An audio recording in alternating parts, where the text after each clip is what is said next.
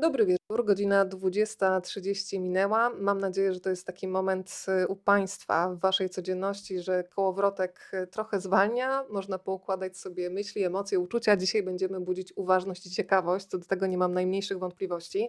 Archiprzewodnik po Polsce spowodował, o czym dzisiaj mówiłam już y, Tomkowi i Robertowi, że postanowiłam sobie, że jeżeli dożyję szczęśliwie emerytury i będą jeszcze istniały uniwersytety trzeciego wieku, to wybiorę się na architekturę. E, ponieważ otworzyliście tyle szufladek w głowie, których istnienia wcześniej nie podejrzewałam, że na wstępie od razu za to Wam chciałam podziękować i na dobry wieczór, na dzień dobry od razu się przenosimy do Roberta Koniecznego i Robert, lokalizujemy Cię na mapie y, Polski, gdzie jesteśmy razem z Tobą dzisiaj. Okej, okay. dobry wieczór. Katowice, czy gdzie konkretnie? Tak, Katowice. Ja dzisiaj tak wyjątkowo właśnie w wielkim mieście, bo no mniejszym niż Warszawa, ale jednak, jednak wielkim. Jestem w biurze w Unikato, które zresztą też jest e, w archiprzewodniku. Jeżeli ktoś ma ochotę, to może zobaczyć. Jeżeli będzie miał szczęście, to wejdzie do środka. ale, ale e, dosłownie dwa dni temu e, byłem w Brennej. Byłem w Brennej, siedziałem sobie w farce, bo była fajna pogoda i miałem robotę do zrobienia, także idealne miejsce do tego, żeby się wyciszyć, troszkę odciąć od całego świata i zrobić swoje. Tak? Do Arki dzisiaj też zajrzymy. Możliwości internetu na to e, pozwalają, ale to jeszcze przed nami. A teraz przenosimy się do Tomasza Malkowskiego. E, Tomek, e, gdzie jesteśmy razem z Tobą w domu? W domu w Warszawie, Sacka Kępa, czyli Twoja dawna dzielnica, jak się dowiedziałem przed chwilą. Od 10 lat mieszkam w Warszawie, natomiast jestem górnoślązakiem, dumnym z tego, skąd pochodzę. E, I to też między innymi połączyło nas z Robertem, te, te wspólne pochodzenie, ale myślę, że do tego dojdziemy. Czytam Czyli sobie na dole właśnie na paseczkach, że masz sporo ludzi ze świata, bo tutaj widzę jakieś różne miejscowości typu Londyn, Filadelfia, więc też wszystkich Państwa witamy. Dobry wieczór, dzień dobry. Tak, ja zawsze tutaj lubię powtarzać, bo naprawdę w to wierzę, że może nas dzielić naprawdę duża odległość, tysiące kilometrów, ale emocjonalnie podczas tego spotkania na pewno będziemy blisko. Pozwólcie, że Was przedstawię. Zdaję sobie sprawę, że dzisiaj będą z nami widzowie, którzy są bardzo mocno zanurzeni w architekturze i tacy laicy jak ja, którzy dzięki Waszej książce zaczynają chyba nową pasję w swoim życiu, bo tak to na mnie zadziałało, więc szczerze mówię. E, zacznę od okienka po lewej stronie. Robert Konieczny, architekt, założyciel pracowni KWK Promes z siedzibą w Katowicach, autor wielu uznanych e, budynków, zdobywających najważniejsze nagrody na świecie.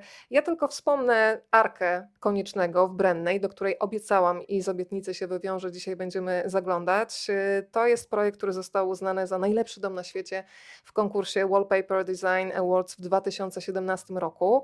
E, tych nagród było znacznie więcej i do nich jeszcze będziemy wracać w tej rozmowie. Od razu też powiem, że Robert jest członkiem prestiżowej francuskiej Akademii Architektury. E, Tomek jest krytykiem architektury, publicystą e, jego teksty, jego rozmowy znacie na przykład z Gazety Wyborczej, ale też z architektury Muratora.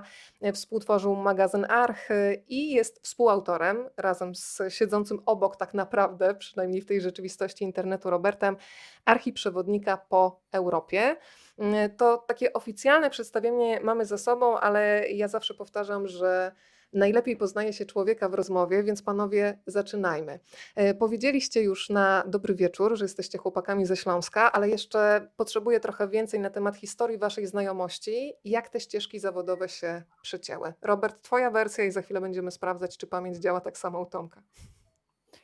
No okej. Okay ta nasza znajomość zaczęła się już dosyć dawno temu, y, bo Tomek zrobił fantastyczną rzecz y, na Śląsku, a mianowicie y, pisząc w Gazecie Wyborczej, w ogóle wcześniej skończył architekturę, dlatego był absolutnie świadom tego, o czym, o czym pisze, spowodował, że wszyscy zaczęli się tą architekturą interesować, zajmować i czytać o niej. Tak? I co ważne, y, pisał o tym w bardzo fajny, taki lekki, przystępny sposób. To jest duża, uważam, y, wartość jakby tych jego tekstów, że one trafiały do szerokiego odbiorcy, były zrozumiałe, a jakby nie było, pisał o zagadnieniach często trudnych. Y, ja dostrzegłem w tym, w tym facecie, który obok mnie siedzi, taki wielki potencjał, duży talent, i zawsze mówiłem mu, że, że musi jakoś ten swój talent wykorzystać, tak? E, e, gdzieś tam w przyszłości, jakoś tak bliżej nieokreślonej. No i mm, myśmy się, Tomek napisałeś też o naszych rzeczach, gadaliśmy nieraz. Walczyliśmy też przy okazji o Brutala, czyli o dworzec, dworzec w Katowicach. Tomek był przywódcą, że tak powiem, można powiedzieć, całego tego ruchu, tego powstania. Jak to się nazywało? Tomek? Przywódca gangu normalnie tak zabrzmiało. Brutal z Katowic. Tak, Brutal z Katowic, dokładnie tak, dokładnie tak. No i później już oczywiście znaliśmy się oczywiście bardzo dobrze. Kiedy dostałem propozycję y, ze strony Pascala, żeby zrobić archiprzewodnik, archiprzewodnik po Polsce, to ja sobie tak pomyślałem, chociaż ja tego w życiu e, sam nie zrobię. W ogóle nawet nie ma żadnych szans. Pierwszą osobą, y, o której mm, od, od razu, do której moje myśli powędrowały, właśnie był Tomek. Tak? Stwierdziłem, że, że no dobra, odezwę się i zobaczymy, co powie. To była krótka, bardzo konkretna rozmowa. Tomek się ucieszył i powiedział, że kurczę, jasne, robimy, robimy to razem, tak? Robimy to razem, zrobimy tę książkę, yy, tylko tak do końca jeszcze nie wiedzieliśmy jak. Nie wiedzieliśmy, jak to w ogóle ma wyglądać. Spotkaliśmy się, zresztą ile to już temu było, już nie pamiętam, to wszystko teraz, wiecie, mgła covidowa, wszystko mi się zlało w jedną masę, ale kilka lat temu spotkaliśmy się w Arce Y, też była tam na tym spotkaniu Alicja Wasilikowska, w ten czas jeszcze w Paskalu i Bartek y, Witkowski, którego tu bardzo y, fajnie, serdecznie pozdrawiam, nasz grafik, z którym się fantastycznie pracowało. No i zaczęliśmy tak gadać o tym, jak to ma wyglądać, że to w ogóle Pascalowi zależało na tym, żeby to był świetny album, nie tylko taki klasyczny przewodnik, wiecie, że tam otwierasz jedno jakieś fatalne zdjęcie albo dwa jeszcze czarno-białe i w ogóle jakiś adres i tyle, tylko żeby to był naprawdę wysokiej jakości album. I to nam się spodobało, tak? To, to, to poczuliśmy, ale nie wiedzieliśmy, jak mają wyglądać te teksty. I w trakcie tego spotkania, tak sobie zaczęliśmy, zaczęliśmy gadać, rozmawiać, zaczęliśmy się w taki naturalny sposób wspierać o obiekty i w ogóle o to, yy, co ma być tematem tego archiprzewodnika, bo za, za chwilę też yy, troszkę o tym powiem. I zaczęliśmy się trochę tak kłócić, tak? I w tym momencie mówi, wow, słuchajcie, to jest świetne, tak? a może właśnie zrobić takie, takie wasze rozmowy, że będziecie sobie gadać, a potem to zostanie jakoś zredagowane. Oczywiście świetnie to wszystko zredagował, napisał Tomek. Tylko, że uwaga, na samym początku myśmy odpłynęli troszkę, bo zadanie było takie, żeby zrobić przewodnik po Polsce, a myśmy odpłynęli w Europę. I to troszkę przyznaję z mojego powodu. Troszkę z mojego powodu, dlatego że mm, te moje kryteria postrzegania architektury są dosyć ostre nie tylko w stosunku jak gdyby mm, do innych, ale też do mojej własnej osoby i do mojego biura. Mnie najbardziej w architekturze zawsze kręciło i pasjonowało, e, pasjonowały takie rzeczy, które były innowacyjne, e, nietypowe, niestandardowe, które złamały jakieś schematy. I tak stwierdziłem, jeżeli chcę się trzymać tych kryteriów, które tak gdzieś głęboko siedzą w mojej głowie, e, no to w Polsce chyba nie znajdziemy tylu budynków, żebyśmy, żebyśmy w oparciu oczywiście o te kryteria, o których mówię, zrobili, zrobili taką książkę i w naturalny sposób jakby przeniosło się to, rozlało się jakby na całą Europę.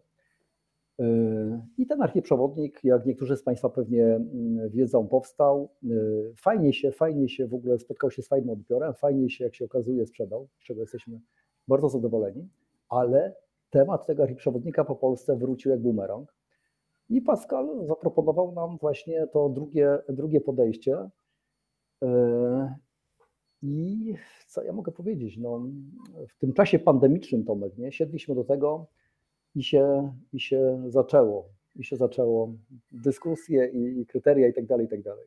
Tomek, to powiedz szczerze, bo tam między słowami tak padło, ale tak delikatnie i na miękko, że trochę się kłóciliście o niektóre sprawy. No to jak wyglądają w ogóle kłótnie dwóch mężczyzn, którzy się znają na architekturze? Jeden jest teoretykiem, no. drugi jest e, praktykiem. O który z budynków, tak szczerze, mm, bo ponad 100 obiektów Państwo znajdą w środku, toczyły się największe boje i jednak e, trzeba było użyć naprawdę dużej siły przekonywania, że no dobra, jednak ten też wchodzi. Bo są takie rzeczy, przy których jak się czyta dokładnie rozmowy, to macie jasność y, i nawet jesteście czasami zaskoczeni własną y, jednogłośnością, jeżeli mogę tak powiedzieć. Te spory toczyły się mm, o jakie budynki najbardziej? Ja może jeszcze zdradzę, że no, to już jest druga książka z Robertem i ja się trochę od Roberta już nauczyłem przy tej pierwszej książce, myślę, że Robert ode mnie też. nawzajem się uczymy, inspirujemy e, i, i boję się, że my trochę coraz bardziej mamy podobny punkt widzenia, e, że przy tej pierwszej książce jeszcze się bardziej kłóciliśmy, natomiast teraz już przy Archiprzewodniku po Polsce no te nasze opinie są coraz bardziej zbieżne, więc tych kłótni było stosunkowo mniej. Natomiast było parę takich obiektów, e, co do których Robert na przykład stawał okoniem, bo nie był przekonany, ale też e, czasami nie musiał do czegoś przekonać. Ja na przykład nie byłem przekonany do mm, Concordii Design, to jest budynek MBRDV, świetnej pracowni holenderskiej, natomiast to jest taki obiekt, mm, który gdy się go nie zobaczy na żywo, to może trochę rozczarować zdjęciami, bo to jest taka bardzo trochę efektowna bryła. My akurat nie mamy jej tutaj przygotowanej na, do prezentacji, ale ja początkowo byłem em, e, sceptyczny, natomiast my z Robertem mieliśmy wycieczkę w zeszłym roku bodajże po Wrocławiu i ten budynek zobaczyłem na żywo, jak on funkcjonuje, że to jest przestrzeń publiczna, która jest na dole, która jest też na dachu, bo ten dach jest tam zielony. To jest budynek, który cały żyje, jeszcze w środku są coworkingowe przestrzenie, że ta forma, mm, co do której miałem jakby największe e, pretensje, czy jakieś tam uwagi, nagle zeszła na dalszy plan i jakby zachwyciło mnie to, jak to ma, siedzi w przestrzeni, bo to jeszcze powstało na Wyspie Słodowej, która jest takim, tak w Warszawie żyje wybrzeże Wisły, no to tam e, w Wrocławiu żyją te wyspy nadodrzańskie, gdzie młodzi ludzie siedzą na trawie, e, na kocach, czy, czy w tych knajpkach, które tam e, są w barkach, więc ten budynek mnie zachwycił swoją przestrzenią, więc jakby to też przekonało mnie jakby mm, po czasie, jak zobaczyłem tą przestrzeń, że okej, no to to jest budynek naprawdę działający, a ta forma może jest mniej ważna. Ale ona kolei- też siedzi, ale ona też siedzi, tylko ci wtrącę, w tym postmodernistycznym Wrocławiu. Nie? Tak, ona nawiązuje do lat 90. właśnie Poznania, który był taki najbardziej krzykliwy w, ty, w tym czasie w całej Polsce. E, Na przykład Górny Śląsk był, zawsze był taki bardziej stonowany, modernistyczny, natomiast Wrocław bardziej szalał w tamtej epoce. Natomiast mi się udało przekonać, a właśnie też taki budynek z kolei, znowu, znowu, znowu Wrocław, Mm, przekonałem Roberta do kaplicy wotywnej, która powstała mm, przy autostradzie, przy obwodnicy autostradowej też we Wrocławiu. Bo to jest taki budynek, który nawet nie jest budynkiem, to jest bardziej mała architektura, Mm, trochę taka kapliczka przydro, przydrożna. Słyszę, że Weronika klika, więc szuka będzie, Tak, tak, ju- roz- już mam, słuchajcie, Centrum Dowodzenia Wszechświatem tutaj Tak, macie żeby dobrze i już za moment zobaczyć. budujemy napięcie, wiesz? Tak, e, Już pokazuję. Najpierw niech sobie nie państwo, to może y, niech Państwo uruchomią wyobraźnię i zaraz ją skonfrontują z tym, co wymyślili architekci. Kaplica wotywna, czyli mamy mm, coś, co jest stworzone w ramach podziękowania, dziękczynienia za autostradę w sumie wybudowanie A8, tak? autostrady, tak, Tak, wybudowanie A8. autostrady. Okej, mów dalej. E, Od dziesięciolecia były oczywiście pomysły budowania autostrady wokół Wrocławia, więc w końcu, gdy powstała, mm, no, chciano to jakoś uczcić, upamiętnić e, i stąd pomysł na kaplicę. I ta kaplica jest absolutnie e, na miarę naszych czasów, bo to jest kaplica wykonana z, barier energochłonnych, które Państwo mijacie e, przy drogach szybkiego ruchu. I to są takie bariery, które już były no, po prostu gdzieś wyrzucone na boku, zużyte. Mm, Niektóre z nich widzą ślady nawet uderzeń samochodów. I architekci stworzyli z nich trochę taki rodzaj takiego okręgu, świętego sakrum, ale też y, można to odczytywać jako koronę cierniową. Nawet te słupki, które Państwo widzicie, to są słupki zrobione z tych, e, z tych słupków, po prostu te połączone w takie stosy. Więc absolutnie budynek w pełni z recyklingu. Jakby to też mnie urzekło w, tej, w, tej, w, tej, w tym obiekcie, że to nie jest obiekt, e, który tworzył specjalnie jakieś materiały budowlane, które musiały być zakupione. One po prostu były zużyte ponownie w tejże takiej małej, skromnej realizacji. Ja wiem, że ona może mm, zaskakiwać w tej przestrzeni, bo obok, obok jest węzeł autostradowy, jest, jest jakaś obwodnica, jest, jest, jest estakada i nagle widzimy coś takiego tajemniczego, dziwnego. E, No i Robert był to na początku sceptyczny, bo jakby nie znał mm, idei, nie wiedział, że to są materiały z recyklingu i wiem, że to Cię przekonało chyba Tak, najbardziej. tak, tak. I ja teraz jestem wielkim fanem tego obiektu, zresztą, który zaprojektowała pracownia Maćków, e, Zbyczka Maćkowa. Drodzy Państwo, jeżeli ktoś z Was ma przy sobie archiprzewodnik przypadkiem, to jest to strona s- 118, także można sobie od razu zobaczyć i, i rzucić okiem jak gdyby e, na to, em, o czym tam piszemy i mówimy. I, i widać faktem datę jest, że, że tak na początku to, to, to m, absolutnie, absolutnie tak było, że jak Tomek mi pokazał ten obiekt, to ja w ogóle nie wiedziałem o co chodzi. Tak? Ja tak miałam też, przyznaję sensie z ręką na sercu. Mówię, o co chodzi? Gdzie tu jest kaplica w ogóle? Mhm. ale później, później naprawdę, mm, tak jak mówię, przekonałem się, podoba mi się. I w zasadzie y, podobnym obiektem, nie wiem czy słowo obiekt jest mm, dobrym określeniem, jest to, co zrobił Bartek Haduch, tak? Jest to, co zrobił Bartek Haduch. Teraz nie wiem, na której stronie można, można to znaleźć, bo które sobie jeszcze nie zdążyłem zaznaczyć. Zaraz Wam podpowiem. e, 313. Jeżeli ktoś ma y, archiprzewodnik po Polsce, to tutaj podpowiadam To 313. jest park A jak pamięci, ktoś tak. nie ma, to tak. Park mhm. Pamięci, Park Pamięci Wielkiej Synagogi. E, To też jest taki sk- skromny obiekt, żeby też Państwo mieli świadomość, że bo na okładce Archiprzewodnika widzicie Państwo no, ikonę, już bardzo znany budynek, Filharmonię w Szczecinie, natomiast w naszej książce są nie tylko takie budynki spektakularne typu muzea, filharmonie, opery, ale też budynki e, no, czasami budowane z niczego, mm, w których najważniejsza była mm, idea, pomysł. W tym wypadku tutaj mm, było puste miejsce, taka trochę rana w, w, w tkance Oświęcimia, ale też nie tylko miasta, ale też takiej mentalnej tak naprawdę przestrzeni, e, bo nie tylko brakuje jakby już tej twardej substancji typu synagogi, ale też mieszkańców, którzy zostali e, w trakcie zagłady zabici. E, I powstał taki pomysł, żeby upamiętnić istniejącą w tym miejscu wielką synagogę, ale nie odbudowując ją, tylko stworzyć właśnie rodzaj takiego parku kieszonkowego, e, rodzaj pomniku, e, który byłby też takim miejscem edukacji mm, na, te, na temat tej, tego obiektu, tej, tej społeczności. I Bartek, co ciekawe, wykorzystał mm, takie porzucane płyty kamienne, które teraz Państwo widzicie z lotu ptaka. I one były odpadem u kamieniarza. To były płyty, mm, które kamieniarze wykorzystywali jako podstawę do cięcia innych elementów. I one miały mnóstwo takich nacięć. Teraz by się przydało takie zdjęcie, jeśli Weronika ma. Będzie, tak, jeszcze to. I kolejne będzie faktura, jak Tak, najbardziej. Jestem Tak, gotowa. faktura, faktura. I Bartek te, te płyty znał o- od swojego kamieniarza i 10 lat szukał jakby dla nich zastosowania. I gdy ten temat tego parku e, pojawił się e, w jego praktyce, no to powiedział, że to jest idealne miejsce, bo to też te takie zniszczenie, te takie zużycie tego pokaleczone materiału, te płyty, tak? Tak, tak.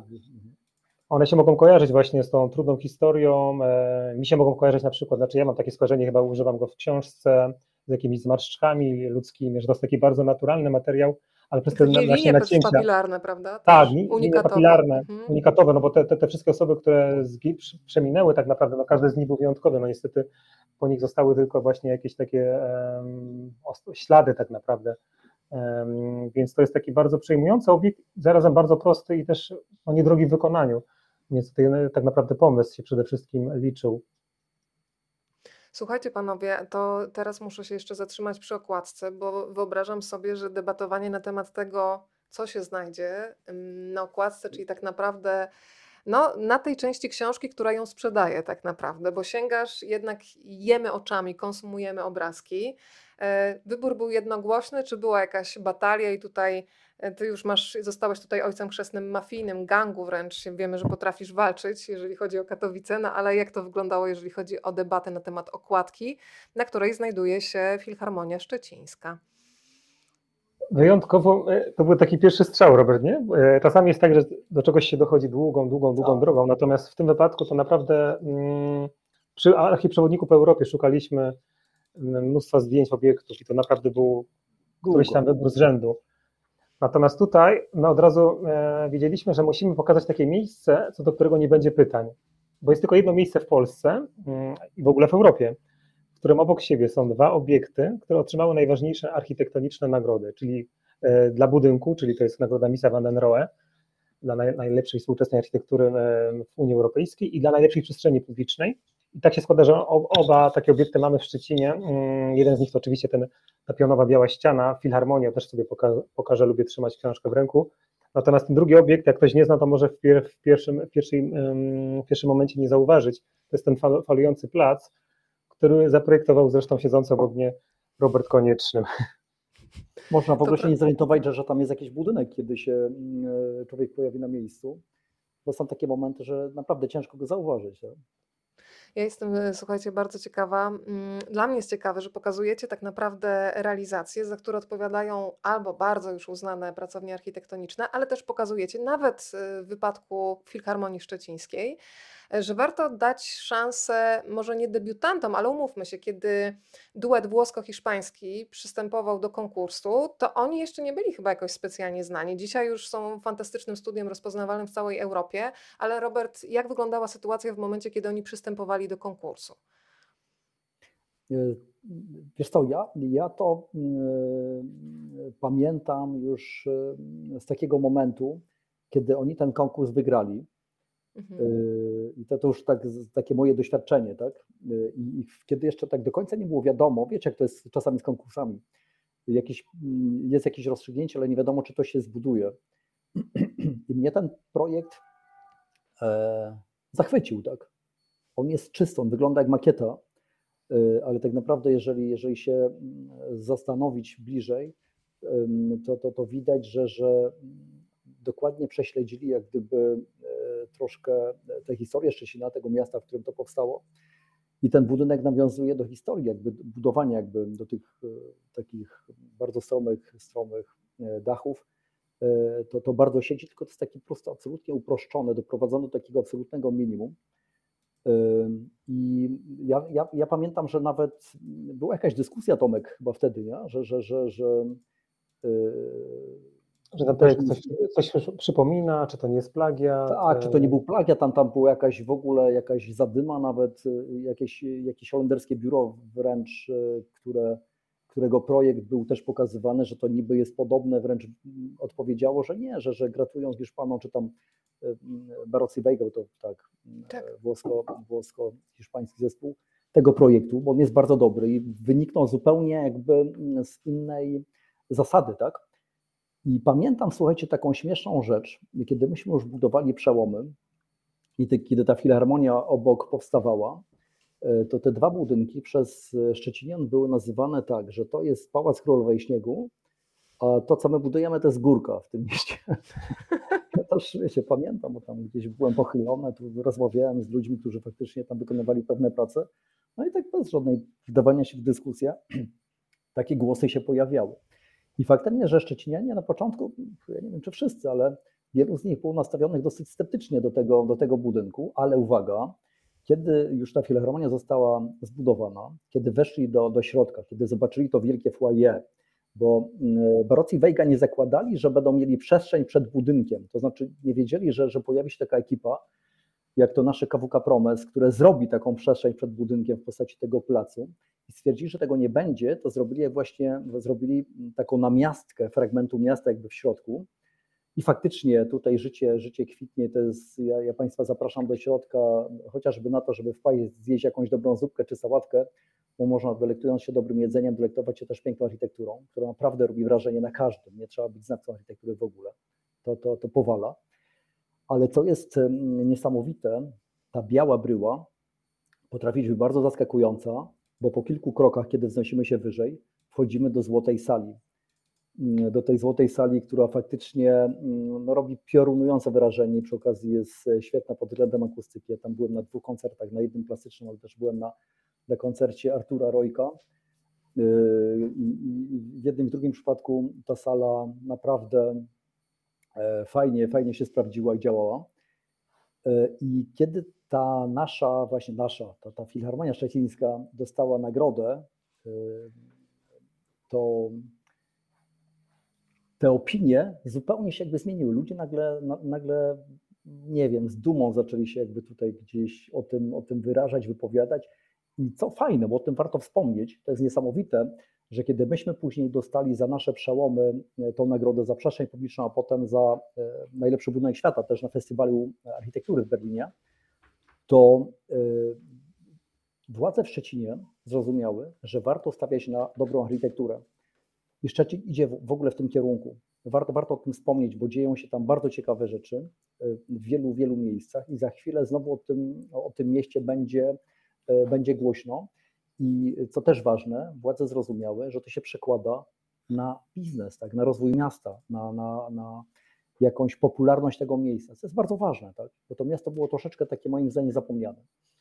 Słuchajcie, pojawiło się pytanie. Ja na nie odpowiedzieć nie potrafię, ale na szczęście są fachowcy na pokładzie. Pani Kasia jest ciekawa, z czego jest elewacja, no bo musi zostać nieskalanie biała dla efektu, tak została zaprojektowana. Możemy wyjaśnić, z czego ona została wykonana. Ona jest wielowarstwowa, bo ona tak naprawdę jest em, z takiego mlecznego szkła, pod którym są ukryte e, lampy lodowe, natomiast to, taką drugą warstwę, taką przestrzenną, to są takie pionowe, białe żaluzje, tak zwane lamele, e, więc ten budynek, patrząc pod kątem, to nie widzimy szkła, tylko widzimy te białe lamelki, czyli takie żaluzje, więc on e, jeszcze inaczej wygląda pod kątem, inaczej na wprost. I jeszcze też inaczej wygląda wieczorem, kiedy te światło e, pod tym szkłem jest uruchomione.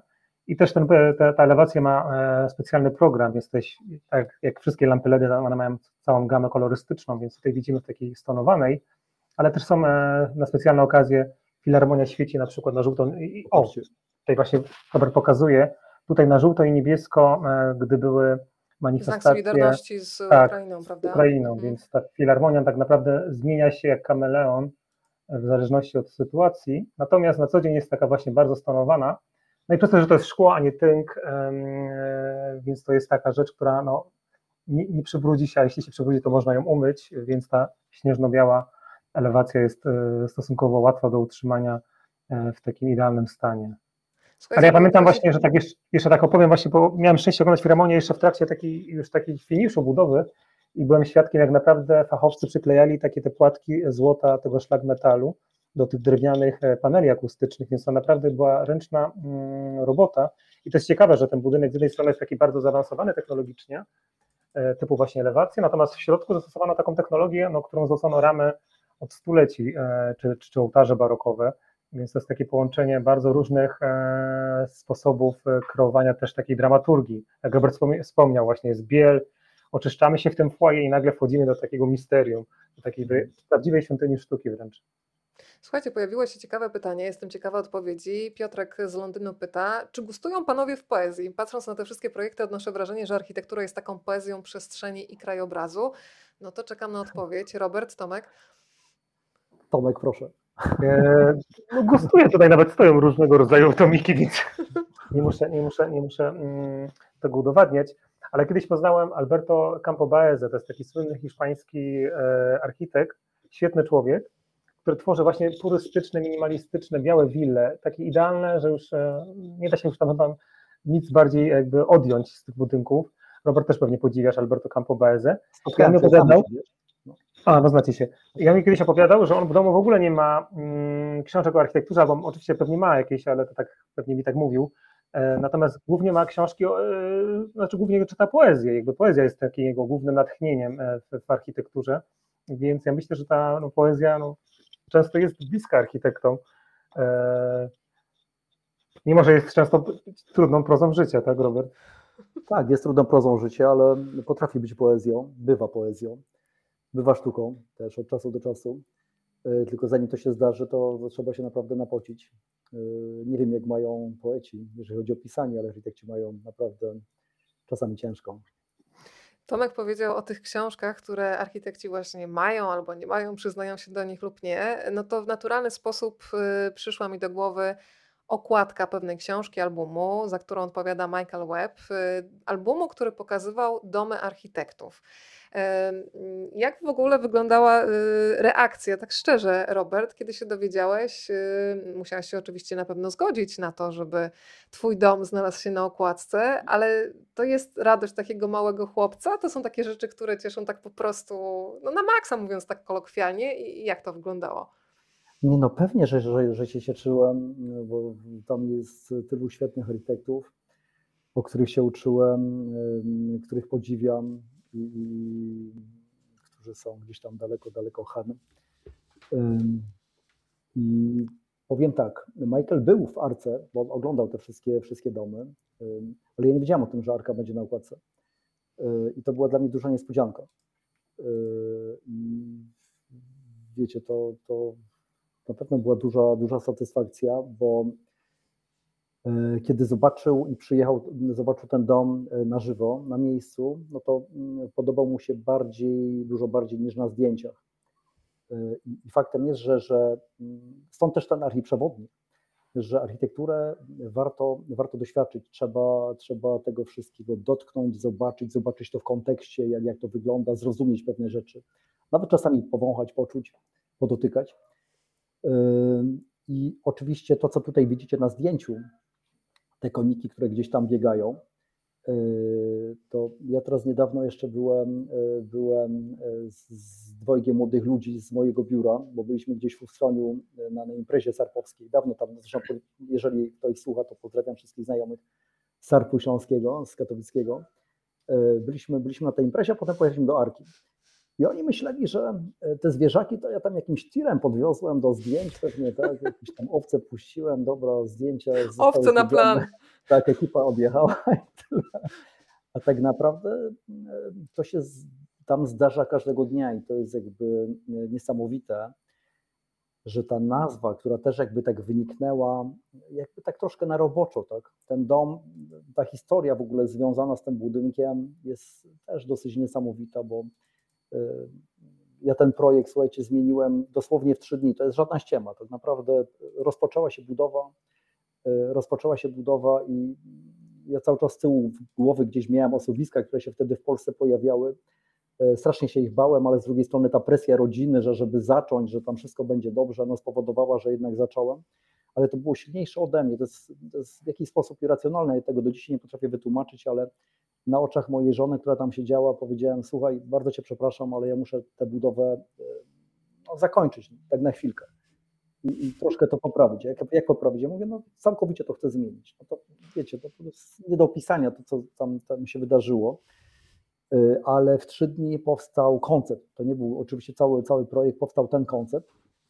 I w wyniku jakby tych wszystkich zabiegów takich architektonicznych, bo przede wszystkim chodzi o to, że ten budynek jakby troszkę wisi nad zboczem. Pod nim może swo- swobodnie przepływać woda y, i on nie blokuje tej, tej wody podskórnej, tej wody napowierzchniowej, bo to jest przyczyną osuwisk. Tak? I kurczę, powstało coś takiego, mm, co zaczęło tę arkę przypominać. Ta nazwa gdzieś tam tak na roboczo została wrzucona, a potem już faktycznie się przyjęła. I do głowy by mi nie przyszło, że te wszystkie zwierzaki sąsiada, które gdzieś tam się pasą, potraktują to jako tak swoją chatę, tak, swoje miejsce. Tam, wiecie, można podejść, nie pada, można się przespać. Ja tam oczywiście miałem takie fajne, zgrabne lampki, które oświetlały to podniebienie arki i ona jakby była takim jednym wielkim odbłyśnikiem, że, żeby nie tworzyć tam jeszcze jakiejś, jakiejś, mm, jakiejś infrastruktury technicznej. Oczywiście te owce, te konie już te lampy zdeptały, one tam mają takie swoje lokum, cały ten kadłub jest z dołu wybrudzony, bo one się cały czas tarmoszą o ten, o ten dom. Z jednej strony mnie to wkurza, a z drugiej strony mówię, a dobra, kurczę, okej, no dzięki, dzięki temu, że ta ekipa tam jest, to ja nie muszę kosić, bo tu widzicie, ja akurat tam wjeżdżam z kosiarką, to jeszcze był ten czas, że, że myślałem, że będę te cztery godzinki co, co, co, co tydzień poświęcam na koszenie, a teraz faktycznie mam czas na to, żeby pójść gdzieś w góry, pojeździć na rowerze, pojeździć na nartach, a ta ekipa robi, no to na nartach zimą to może nie, ale, ale latem ta ekipa robi robotę, robotę za mnie. I faktem też jest, że pewnego razu, kiedy się w tych w naszym mieszkaniu w Katowicach obudziłem rano i tam sobie wchodzę na Face'a i słuchajcie, to już kilka lat temu tak czytam, że taka wiadomość, to chyba było na Brenna Info. O, dzisiaj taka pogoda, jeżeli nie macie co robić, to wpadnijcie sobie tam do Arki Koniecznego. Dom otwarty. Super, nie? Fajnie.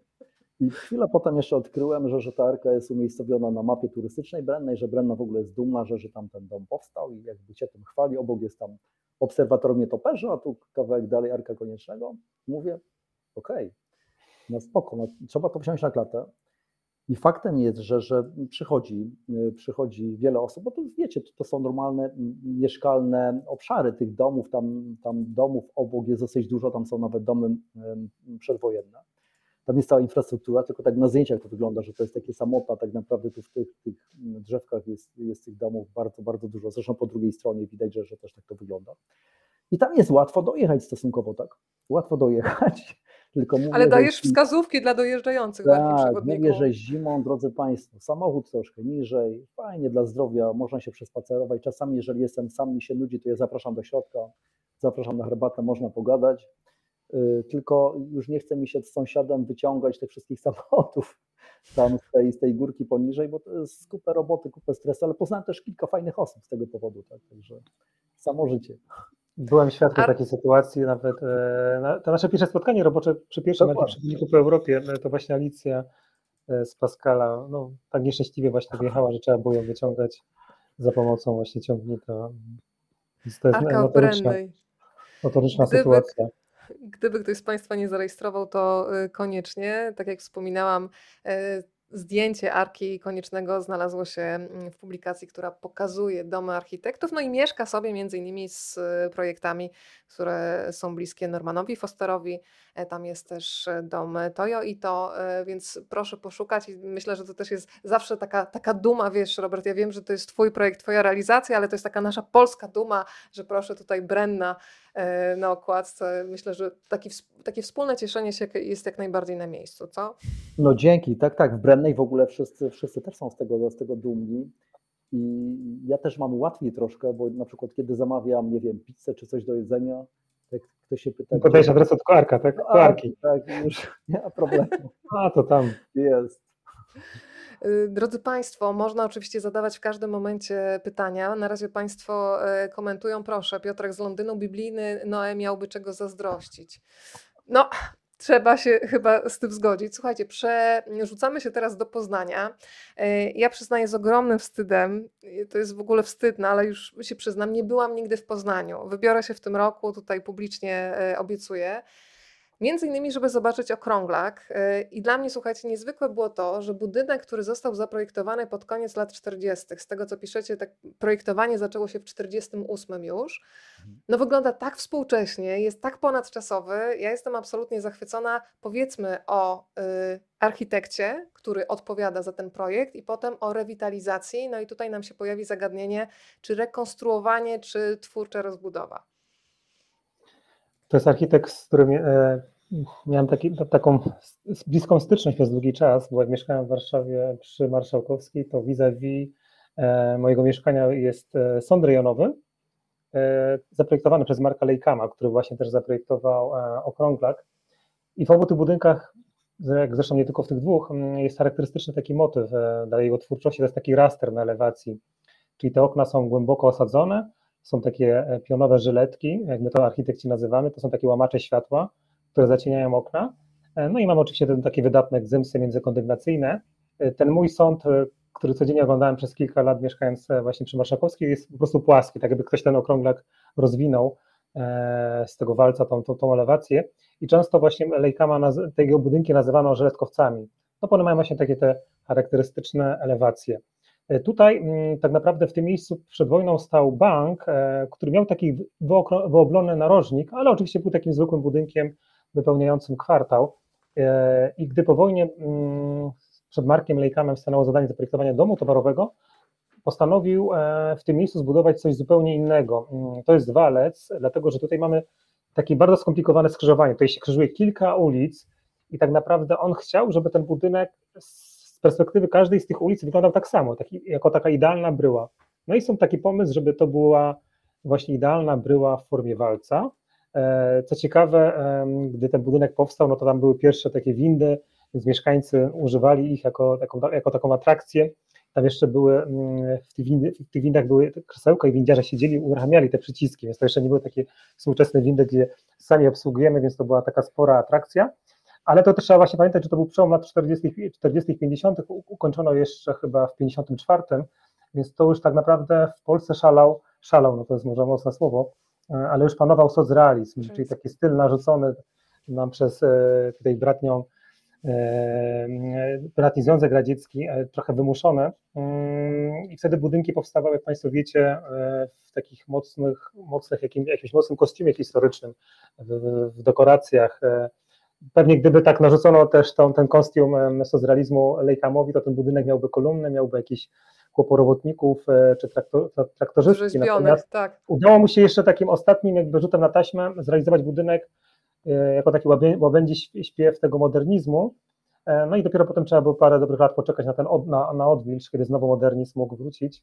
Więc to też taka ciekawostka, mm, że w takich trudnych czasach udało się stworzyć taki budynek, który ma też niezwykłą klatkę sodową, bo ona jest taką spiralą, która się wije w takiej wielkiej, e, wysokiej przestrzeni i tam są trzy biegi schodów, które jak taka spirala się przeplatają. O właśnie, jak się zadrze głowę do góry, tak zwaną duszę schodów, no to widać, jak te wszystkie ślimaki e, biegną do góry. I my ten budynek pokazujemy, ktoś się może zdziwić, no ale to jest budynek z lat 50., co, co tu jest współczesnego. Natomiast on w, w drugiej dekadzie tego wieku został pieczołowicie odnowiony i tutaj jest takie podejście mm, bardzo konserwatorskie, czyli zachowano maksymalnie to, co jakby Marek Lejkam stworzył, e, wyczyszczono elewację, jeśli coś wymieniano, to na lepsze materiały, natomiast zachow- zachowując proporcje, zachowując jakby styl e, tego architekta, e, To już nie jest dom towarowy, wiadomo, dzisiaj już zakupy często robi się jednak w centrach handlowych, nie w tego typu takich dosyć domach towarowych o ma, ma, małych piętrach, jakby małej powierzchni, więc jakby to, to już nie pasowało do współczesnej formy handlu. Natomiast tam powstały biura, więc ten budynek zachował jakby tam swoją zewnętrzną formę, ale też jakby tej klatki sodowej, która jest pieczołowicie odnowiona. Powiedziałeś hasło zakupy, Państwo już robią zakupy. Pani Justyna właśnie napisała O, obie super. książki Panów już zamówione. W głowie pełno inspiracji na podróże. Dom Pana Roberta od samego początku podziwiam i gratuluję wszystkich zasłużonych nagród. Przekazuję od razu te ciepłe słowa od Państwa. E, Mówiłam o tym, że mogą Państwo zadawać pytania. E, Pytanie od Tomka. E, Wychodzimy na chwilę z Poznania, ale pytanie jak najbardziej dotyczy architektury. Jak długo projekt Nowoczesna Stodoła zostanie nowoczesny? Tyle się ich stawia teraz, więc jaka jest odpowiedź architektów? Faktem jest, że, mm, te dachy wysokopowe, my zresztą pisaliśmy, mówiliśmy o tym w e, po Europie, e, gdzie pewnego rodzaju trend, tak to trzeba nazwać, rozpoczęli na to Herzog de Meuron, e, szwajcarscy świetni architekci. I e, te projekty oczywiście w pewnych miejscach są historycznie e, uzasadnione, tak, bo to jest naturalna, e, natu- naturalna kontynuacja tego, co się tam budowało przez, przez wiele lat. Faktem jest, że, że te domy czasami są przeszczepiane w takie miejsca, no, gdzie, gdzie ta, ta tradycja, tradycja budowania była inna. I Polska jest troszkę takim krajem, gdzie my widzimy taką wyraźną granicę, tak? Na przykład na Śląsku, y, na Śląsku z racji y, ty- tych wszystkich naszych historycznych zaszłości, mamy bardzo wiele takich budynków bezakopowych. U nas jak gdyby budowanie, budowanie czegoś takiego jest zupełnie czymś naturalnym. Ja, ja nie lubię w ogóle takiego słowa jak moda w architekturze, bo faktem jest, że, że trochę, trochę moda na to jest, ale jeżeli buduje się w takim kontekście i używa się jak gdyby takich rozwiązań, no to po prostu ta forma jest naturalna, ona tam siedzi, siedzi w tym kontekście i tu nie ma żadnych pytań. Za 100 czy tam za 200 lat, jeżeli to będzie dobrze zbudowane to i solidnie, to tam dalej będzie stało. E, Ale faktem jest, że, że czasami e, czasami e, jest to obce, bo mamy też, szczególnie w tych rejonach wschodnich, no takie tradycje, nie tylko wschodnich, ale też w rejonach górskich, tak zwanej wielkiej czapy z wielkimi okapami, która jest naturalna, jest uzasadniona, uzasadniona architektonicznie, e, no bo ona chroni przed deszczem, przed śniegiem i tak dalej, i tak. I budowanie takich, takich, takich, stawianie takich form jest trochę obce. Jest, jest jakąś modą. E, Kiedy to się skończy? Dopóki ktoś nie wymyśli czegoś nowego. Po prostu. Tak, archiprzewodnik po Polsce pokazuje, że nawet jeżeli nam się wydaje, że wszystko już było, to wcale nie. Przychodzi ktoś, kto o tym nie wie i pokazuje, że można stworzyć e, coś nowego. E, Tomek, kiedy rozmawialiśmy o okrąglaku, zanim tutaj pojawiliśmy się u Państwa w domu, to mm, powiedzieliście, żeby ten okrąglak zestawić też e, według Was z jednym z najciekawszych biurowców w Polsce. O czym, ym, o jakim budynku mówimy? o Bałtyku. E, Też jest to budynek w Poznaniu. Mm, I co ciekawe, to jest budynek zaprojektowany przez holenderską pracownię MVRDV, czy, czy też MVRDV. I mm, sama jedna z założycieli tej pracowni, Natalie De Vries, powoływała się na, na, na taką referencję właśnie jako okrąglak. Mm, Architekci jak projektują, nawet za granicę, gdy przyjeżdżają do Polski, to jednak poznają kontekst e, lokalny. E, I tych architektów zachwycił właśnie okrąglak jako taki najciekawszy przykład architektury poznańskiej. A jednak zadanie, które stanęło przed nimi, to był biurowiec. Co w biurowcu się projektuje? No to przede wszystkim jest trzon windowy, powtarzalne kondygnacje i jakaś tam skóra, czyli ta e- elewacja. Natomiast tutaj o tyle była trudna działka, e, która jest z jednej strony mm, dopuszczała wysoką dominantę, natomiast z drugiej strony tam może nie być, ale tam od południa mm, jest y, z tyłu za tym budynkiem jest hotel Sheraton, Sheraton który ma cztery kondygnacje, więc ci architekci musieli się dostosować do takiego skomplikowanego kontekstu, czyli mogli budować wysoko, ale musieli zejść nisko, więc ta bryła już się robiła mm, przy takich różnych modelach mm, skomplikowana, tutaj widzimy jakby tą najwyższą część, natomiast za nim jest, o tutaj jakby też po prawej stronie widać taki zabytkowy budynek XIX-wieczny dawnej drukarni, Concordia Design, bo to jest jakby ten sam właściciel, e, bo też dobra architektura to nie tylko dobry architekt, ale też świadomy inwestor. I tutaj grupa kapitałowa Vox, która najpierw rewitalizowała ten e, zabytkowy budynek, też zainwestowała w ten biurowiec, świadomie też e, wybierając najlepszą, jedną z najlepszych pracowni architektonicznych w Europie, mm, holenderskie biuro.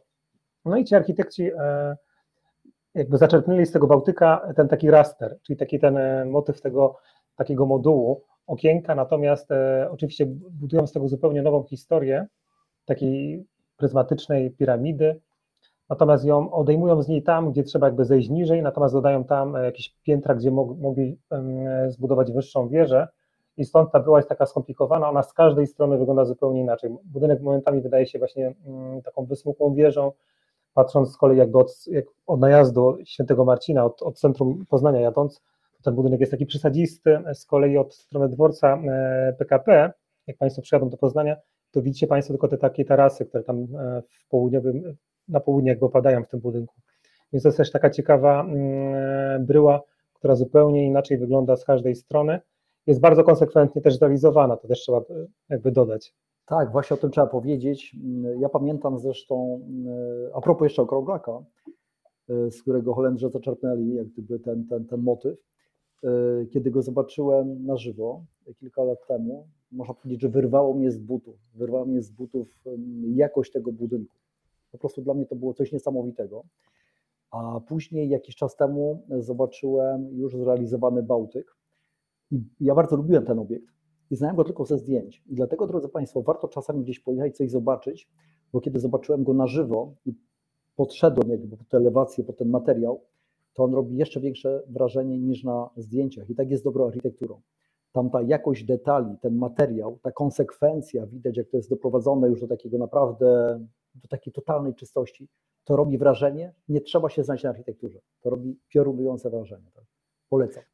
Panowie, pojawiło się pytanie i od Pani Ani, jak oceniacie renowację Retundy w Warszawie? To jest trudny temat, e, ale tak się składa, że ja znam e, projektantów, to jest młoda pracownia Gowin Siuta, mm, więc też nie chciałbym bardzo źle mówić o, o, o, tej, o tej renowacji, bo jakby też wiem, z jakimi oni problemami się mierzyli.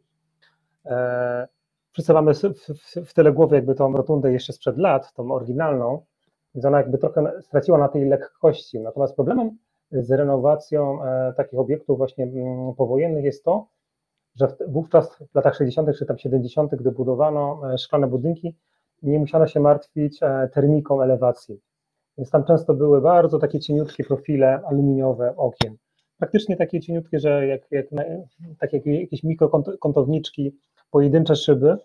Natomiast dzisiaj, jak taki budynek musi być dostosowany do współczesnych norm termicznych, no to on nagle zyskuje masywne e, szkło wielokomorowe, te profile już nie mogą być tak cieniutkie, no bo one nie mogą przepuszczać ciepła, które ucieka jakby na zewnątrz, więc ten budynek już na dzień dobry spuchł, jakby stracił tą swoją lekkość. No i z tym jakby się mierzyli ci architekci mm, i przez to ta rotunda już nie jest tak lekka, tak finezyjna jak była, jakby to rozumiem, Natomiast oczywiście mm, też jeszcze tam wiem, że nie wszystko zostało zrealizowane, bo ci architekci zakładali taki zagłębiony plac, który miał tak schodkowo schodzić do rotundy, więc ja jeszcze bym tego nie przekreślał, bym poczekał na e, zrealizowanie w pełni wizji architektów. Natomiast w ogóle mm, fajnie jest to, że w ogóle taki budynek przetrwał, tak, bo sami wiemy, ile w Warszawie takich pawilonów poszło pod e, młotek, zostało wyburzonych. Tutaj mógłbym wymienić pawilon Emilii, pawilon Chemii i tak dalej, super sam, e, bo te, to są często małe kubatury, natomiast taka działka w centrum miasta, no wiadomo, jej wartość jest e, wysoka i pewnie chętnie tam ktoś by postawił wieżowiec. No tutaj na szczęście udało się taki ikoniczny budynek zachować, można mieć oczywiście uwagi do detalu, elewacji, ale to jest taka rzecz, którą też za 20 lat może ktoś zmieni na, na lepszą, albo za 30, jak już będzie się, jak się zużyje i być może będzie już te szkło na tyle bardziej zaawansowane, że nie będzie musiało być tak grube i może wrócimy do takiej lekkości. Tomasz Malkowski, Robert Konieczny dzisiaj u Państwa w domu. Widzę, że dołączają kolejne osoby, więc y, wprowadzam. Rozmawiamy dzisiaj o archiprzewodniku po Polsce. Jeżeli ktoś z Państwa chciałby się podzielić tym spotkaniem na swoim Facebooku, nic prostszego, pod tymi oknami, w których jesteśmy widoczni, jest taki guziczek jak udostępnij. Po prawej stronie naciskamy i ta rozmowa jest dostępna również dla Państwa przyjaciół. Jeżeli ktoś śledzi to spotkanie na YouTubie, kopiujemy link, wysyłamy i w ten sposób również można uczestniczyć. No to przenieśmy się do Krakowa. Ja przyznaję, że dzisiaj wróciłam sobie jeszcze raz do rozmowy na temat Muzeum Sztuki i Techniki Japońskiej Manga i faktycznie wcześniej jakoś mi to umknęło, że oczywiście ten budynek cały czas mi się podoba, ale uświadomiłam sobie, kiedy on powstawał, bo on cały czas jest, y, tak się pięknie wpasowuje nawet w to, co się dzieje teraz w architekturze. Przecież to były lata 90., które umówmy się, no w Polsce no, raczej y, obfitowały w bardzo krzykliwe eksperymenty. A tutaj nagle, Robert, ja wiem, że ty jesteś wielkim fanem mangi, więc oddaję głos. Tak, ja lubię ten budynek. On jest bardzo prosty, jest taki bardzo lapidarny, poniekąd skromny. I yy, zawsze w takim kontekście, tu ten kontekst był yy, strasznie trudny, strasznie trudny i pokazują to chociażby najnowsze realizacje, że, że nie zawsze z takim kontekstem architekci sobie są w stanie poradzić w sposób fajny. Ale co ważne, drodzy Państwo, i to jest chyba Tomek, powiedz mi, jeżeli błądzę, mamy tutaj, mamy tutaj realizację laureata Pritzkera. Tak. tak. Arata i Sozaki. Tak, Arata i Sozaki. E, pomagał, pomagał w tym projekcie e, Krzysztof Ingarden. Zresztą e, świetny, świetny polski architekt. Mamy tutaj też jego, jego realizację. I popatrzcie, drodzy Państwo, jak ta manga jest delikatnie, lapidarnie narysowana.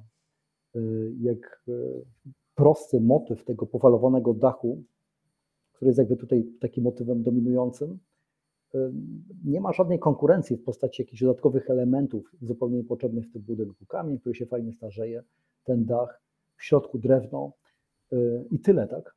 I, w taki sposób robi świetną, świetną architekturę. My też piszemy jak gdyby na początku, we wstępie tego archiprzewodnika, że, że mm, analizując jakby tę polską architekturę współczesną, y, na początku, kiedy nastąpił ten okres przemian, y, te lata 90., ja zresztą jakoś tam w miarę pamiętam, no to myśmy się wtedy zachłysnęli tymi wszystkimi technologiami, materiałami, tymi wszystkimi kurcze elementami, które możemy włożyć w architekturę. I powstało strasznie dużo takich dziwnych, krzykliwych budynków, e, które się po prostu bardzo źle starzeją, tak? w sensie dosłownym i w przenośni, e, tak wizualnie, ale tu jak gdyby jest coś, co, co stało się ikoną jakby tego miejsca. Taka wcale nie skrzypliwe, jest takim bardzo delikatnym, takim stonowanym, stonowanym budynkiem. E, także mm, jeżeli, jeżeli ktoś nie był, ktoś nie widział, albo ktoś nawet przejeżdżał, nie zwrócił uwagi, bo może, może się tak zdarzyć, że, że gdzieś tam można przeoczyć i nie zauważyć tego budynku, to ja serdecznie namawiam, że, żeby, żeby to zobaczyć, tym bardziej właśnie, że, że to jest niesamowite. Tak? No, Pritzker to jest najważniejsza nagroda e, architektoniczna, jaką, jaką można dostać i mamy obiekt kogoś takiego w Polsce.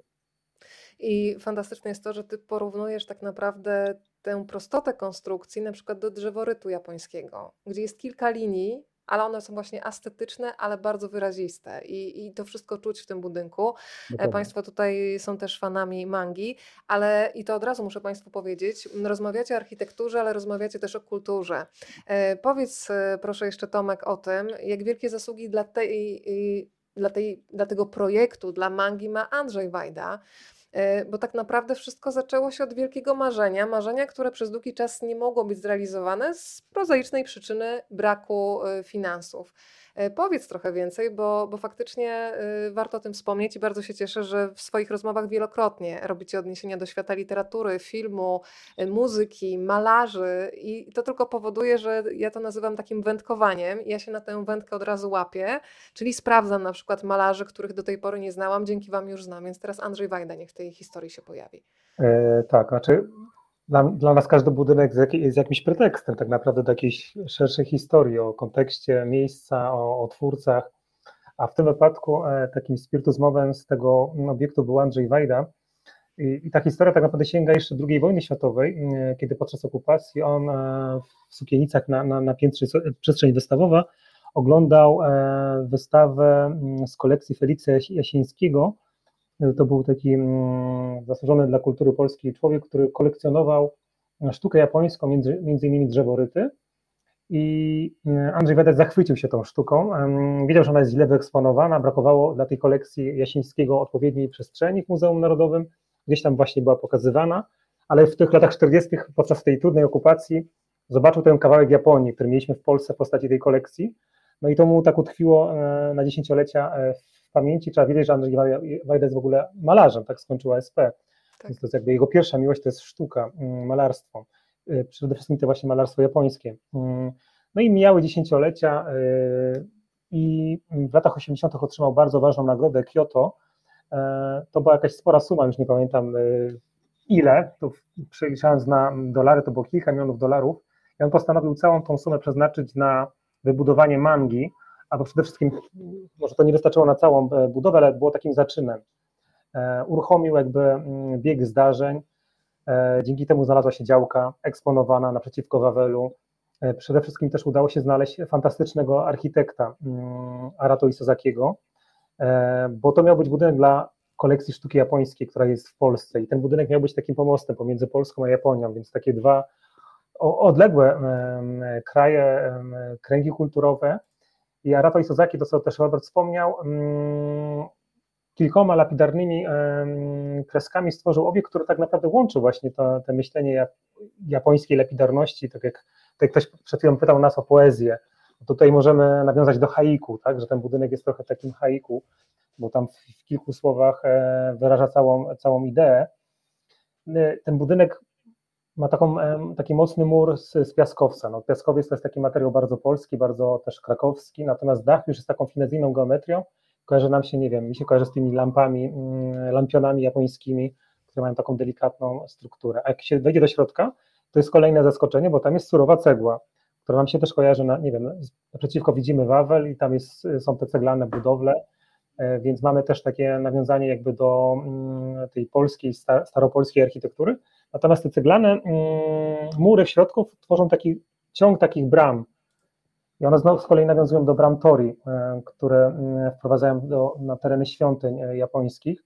Na tych bramach są oparte oczywiście drewniane kratownice tego falującego dachu, więc jak się warto w ogóle w Mandze zadrzeć głowę do góry, żeby zobaczyć tą finezyjną więźbę dachową, bo ona jest niezwykła tylko ona jest zwykle w półmroku, więc to naprawdę trzeba wytężyć wzrok, mm, bo większość tych świetlików, które tam są pomiędzy tymi falującymi mm, dachami jest, mm, jest zasłonięta, bo sztuka często taka właśnie japońska, delikatna typu drzeworyty nie, no nie, nie, nie lubi światła, przede wszystkim promieniowania UV, natomiast warto rozglądać się po tym budynku, bo jak on na każdym kroku właśnie inspiruje, pokazuje tą polskość i tą japońskość, którą połączono w taką przedziwną e, całość, zarazem e, harmonijną, tak, pełną finezji. Słuchajcie, chyba Wam się udała robota, jeżeli chodzi o archiprzewodnik, bo Pani Anna właśnie napisała, nie sądziłam, że architekturze można tak ciekawie opowiadać i po raz kolejny jestem mile zaskoczona, więc macie dowód na to, że to jest książka, która wychodzi poza środowisko architektów i chyba o to chodziło, bo staje się taką opowieścią o poszukiwaniu piękna, o współdziałaniu, o włączaniu ciekawości, uważności. Myślę, że w każdej branży, w której funkcjonujemy na co dzień, ta uważność i ciekawość to są najlepsi życiowi przewodnicy. Mówiliśmy o Manzen, tam był oczywiście potrzebny ogromny budżet do realizacji, więc teraz e, krańcowo przeciwny biegun teraz tej opowieści. Powiedzmy o takich projektach, które e, w skali oczywiście porównawczej nie wymagały wielkich funduszy. I ja teraz e, tutaj mm, pokażę Państwu osiedle mieszkaniowe w Warszawie przy ulicy Sprzecznej 4. No i okaże się, że z prefabrykantów można budować i że to wcale nie musi być siermiężne, brzydkie i nieciekawe. E, Robert, co masz do powiedzenia na ten temat? Ja tam dopiero zaczęłam zauważać też detale, ale o tym za chwilę. Jak ci się podoba sprzeczna? No chyba ci się podoba, skoro się znalazła tutaj. No pewnie, podoba mi się. E, to jest projekt mm, e, biura BBGK, które sięgnęło w tym, w tym budynku na nowo po prefabrykację tak e, źle postrzeganą w Polsce, tak, bo ona się kojarzyła e, z wielką płytą, z jakąś taką powtarzalnością, nudą. Ja zresztą sam przez jakiś czas mieszkałem w takim bloku z wielkiej płyty. Akurat ja sobie tam chwaliłem, bo to było w dobrym miejscu, ale generalnie, generalnie wszyscy odbierali to źle. Nagle okazało się, że z tej wielkiej płyty można zrobić kapitalny budynek, kapitalną mieszkaniówkę, która fajnie siedzi w tej przestrzeni, która daje jakby taki Popatrzcie Państwo, jak fajnie jest rozegrana ta elewacja frontowa. Ona jest zresztą najciekawszym elementem tego budynku, bo już jakby elewacje boczne są już tak bardziej standardowe, ale ten, ten, ta, ta, ta elewacja frontowa, zgranie jakby, zgranie tych dwóch kątów, które tworzy jakby taką ciekawą strukturę, no, po prostu powoduje, że przyciąga wzrok, tak? Tam są fajne, tak jak powiedziałeś, fajne detale, jest odcisk e, syrenki w tym betonie, po prostu jest dużo takich rzeczy, które... To jest dość... E, da, e, taki relief Dawida Chybaryskiego, ile dobrze pamiętam, tak? tak? tak Tutaj tak, Państwo... Tak, tak. Mhm. I słuchajcie, to, to są właśnie takie detale, które nie dość, że fajnie wyglądają, to one się będą fajnie starzeć, tak? bo to jest mądrze, trwale zrobione i ten budynek po prostu będzie dobry przez, przez wiele, wiele lat. Popatrzcie, jakie delikatne detale, bariery, które się tutaj nie narzucają. To wszystko jest bardzo fajnie, bardzo mądrze zaprojektowane. Ja tylko, y, bo widziałem też pytanie wcześniejsze, jedna Tak. z pań zapytała, co się, kto wystawiał w Mandze, że była wystawa jakiegoś innego japońskiego architekta. Tak, to był Kengo Kuma, y, który, y, ta wystawa chyba się skończyła, ale ro, robi również piękne struktury architektoniczne i, jeżeli ktoś był, to, to, to myślę, że, że, że, że był zachwycony. Zresztą Kuma chyba też, Tomek, to już w razie czego, żeby nie palnął głupstwa, też jest laureatem Pritzkera. Czy, czy, czy ja już teraz. Tego kuma, co teraz też już wydaje mi się, że tak. Ja mogę też. Jest internet, można szybko zobaczyć. Bo to, już To wiesz. będzie nagroda od publiczności jeżeli- od nas a w takim jeżeli nie- razie. Ustanawiamy, jeżeli jeżeli nie nawet. Tak, ale wracając do BBGK, my mamy więcej, więcej y, ich, ich budynków, bo mamy, mamy sprzeczną, ale mamy też, y, mamy też Muzeum y, Katyńskie, które, które zresztą na takim minimalu właśnie w podobny sposób jest, w, to, w podobny sposób jak sprzeczna jest zrobiona, e, zrobiona. Ale ja chcę wrócić do tej prefabrykacji, do tego, y, do czego sięgnęło BBGK. Drodzy Państwo, popatrzcie, jak to jest mądre, tak? jak taka budowa może szybko przebiegać. Wystarczy pomyśleć fajnie w biurze, przygotować pewne elementy, które są robione w fabryce, przyjeżdżają na miejsce i są składane w tempie błyskawicznym, tak? Niezależnie To jest od tak naprawdę, Robert, chyba też można linię produkcyjną jakby chyba przygotować pod konkretny projekt, prawda? Oczywiście tak, oczywiście tak. Moim zdaniem w ogóle to jest jed, jed, przyszłość budownictwa, tak? Bo prefabrykacja y, uniezależnia nas od, od trudnych warunków atmosferycznych. Umówmy się, y, y, takich, takich sytuacji ekstremalnych będzie coraz więcej, tak? Klimat się zmienia niestety. Y, Musimy się przygotować do tego, że, że to budowanie w ogóle jest wyzwaniem. To, to już w szerokim tego słowa znaczeniu, ale jeżeli chodzi o samo budowanie już fizyczne, to też jak gdyby mm, y, to też jest problem, a tutaj architekci pokazali, że można to zrobić w kapitalny, w kapitalny sposób, z dużą finezją. Także Robert mówi o klimacie, ale też my, to, co się dzieje na rynku pracy, tak naprawdę, jak ktoś się interesuje albo zajmuje się zawodowo budownictwem, no to tak naprawdę nie ma komu budować i to jest jakby wielki problem. I teraz wszystkie technologie, które zmierzają do automatyzacji, do zmniejszenia liczby pracowników na budowie, no są przyszłością tak naprawdę. Więc ta wielka płyta, która tak nam się źle kojarzy przez PRL, ale ona się nam źle kojarzy e, z powodu, z kilku powodów. Mm, Te, te domy z wielkiej płyty miały bardzo ograniczone, mm, nazwijmy to alfabet, tak? To było tylko kilka rodzajów płyt, więc ta typizacja była tak daleko posunięta, że te wszystkie bloki wyglądały identycznie. Natomiast obecna prefabrykacja pozwala no, tworzyć bardziej skomplikowane kształty, więc te budynki mogą mieć zupełnie indywidualny wyraz, mm, tak jak ten na przykład przy Sprzecznej 4. On też jest zbudowany z kilkunastu pewnie elementów, natomiast jego była wygląda jakby była zaprojektowana zupełnie nie z jakichś klocków gotowych, tylko no, od podstaw wybudowana gdzieś, gdzieś na miejscu, a nie w fabryce. Więc ta fabry- fabrykacja może dzisiaj e, być czymś naprawdę ciekawym architektonicznie, to nie, nie skończy się na takich pudełkach jak, jak w PRL-u. A jakość y, takiego budynku, przez to, że te elementy są zrobione w fabryce, jest dużo, zazwyczaj dużo wyższa niż y, tego, co jest zrobione gdzieś tam na, na budowie, tak? I ciekawe właśnie jest to, że, e, bo tam w środku też, e, no oczywiście te płyty są betonowe od środka i od zewnątrz, w środku jest jakieś tam ocieplenie, natomiast w środku ten surowy beton w wielu mieszkaniach deweloper zostawił, bo te mieszkania kupowali architekci i im właśnie zależało na tym surowym betonie. Podobno w tym budynku naprawdę sporo, sporo e, architektów zamieszkało. Mogę wymienić jednego, bo się chwali Przemo, też Przemo tam, Przemo. Łukasik z Meduza Group, bo jest kilka sesji z tego mieszkania, jego widziałem w gazetach wnętrzarskich, więc ten budynek no, spodobał się architektom z powodu właśnie tego surowego betonu.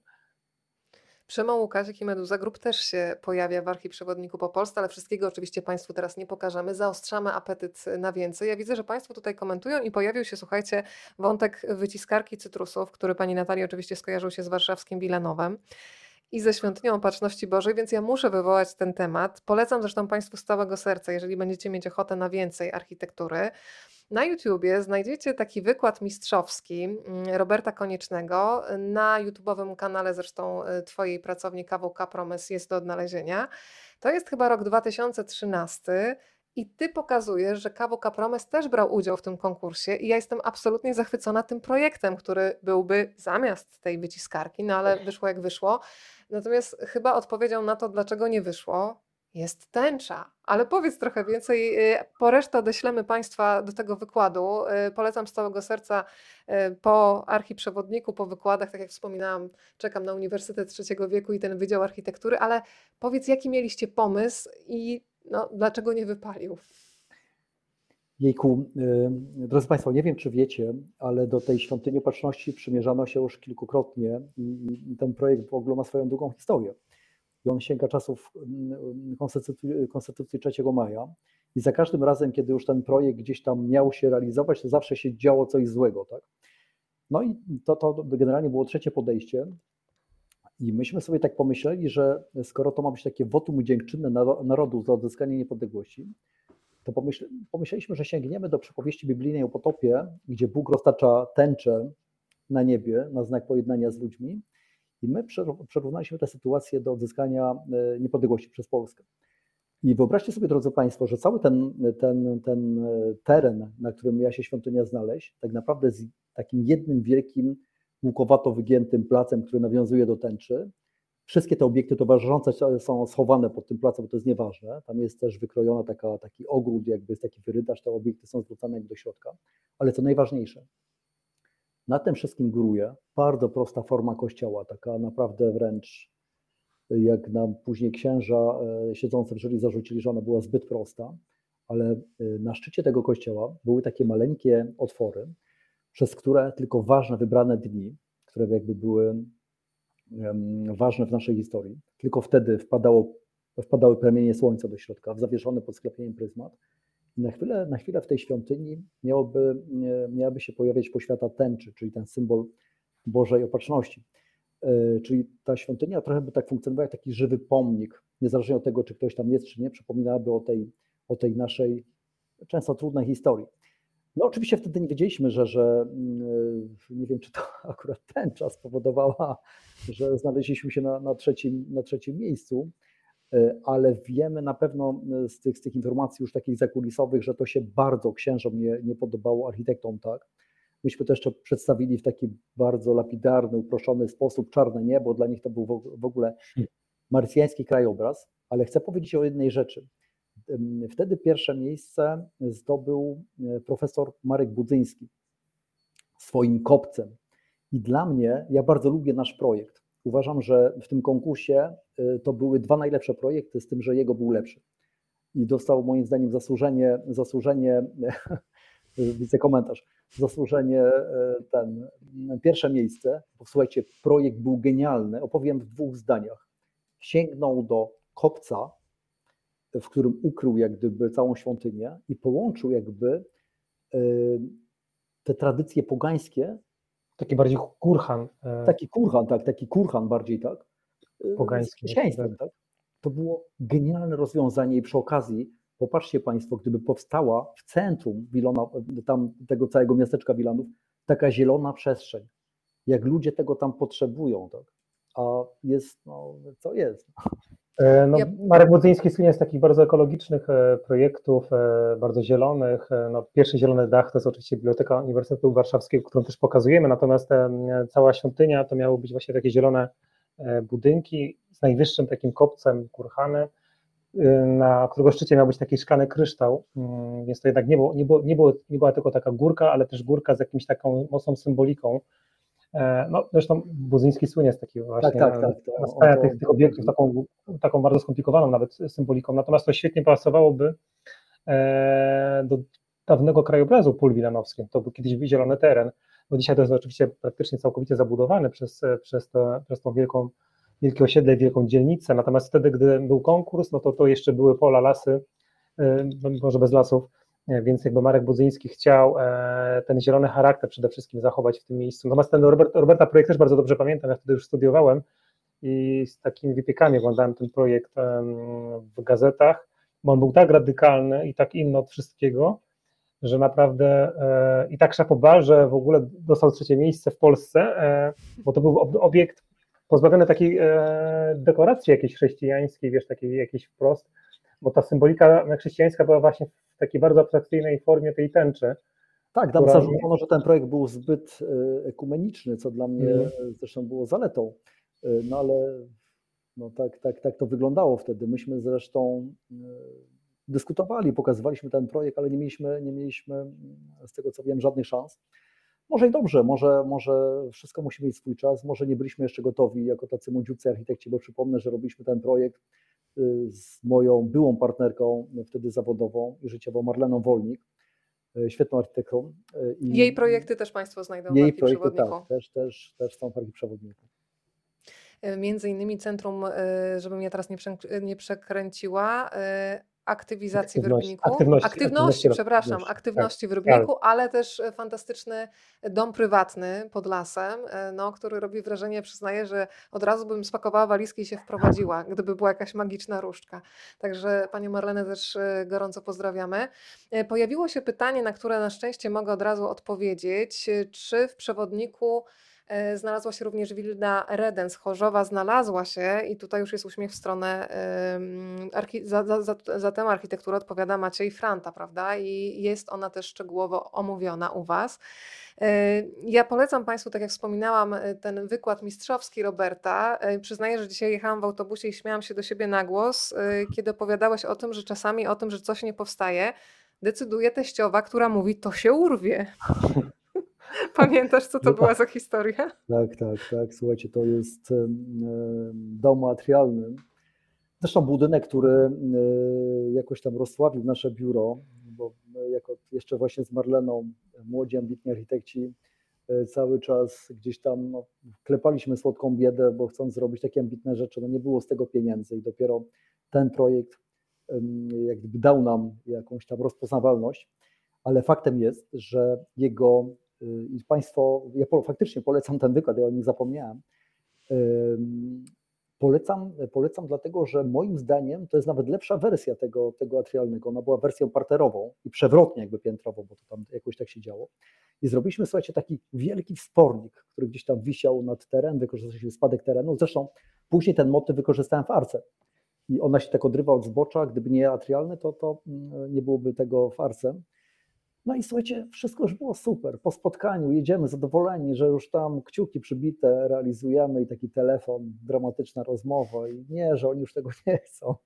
No ale dlaczego? No ale powiecie dlaczego. No kurczę, w końcu padło teściowa, szachmat, pozamiatane. Dzień depresji, bierzemy się do nowego projektu. Tak? Takie życie architekta.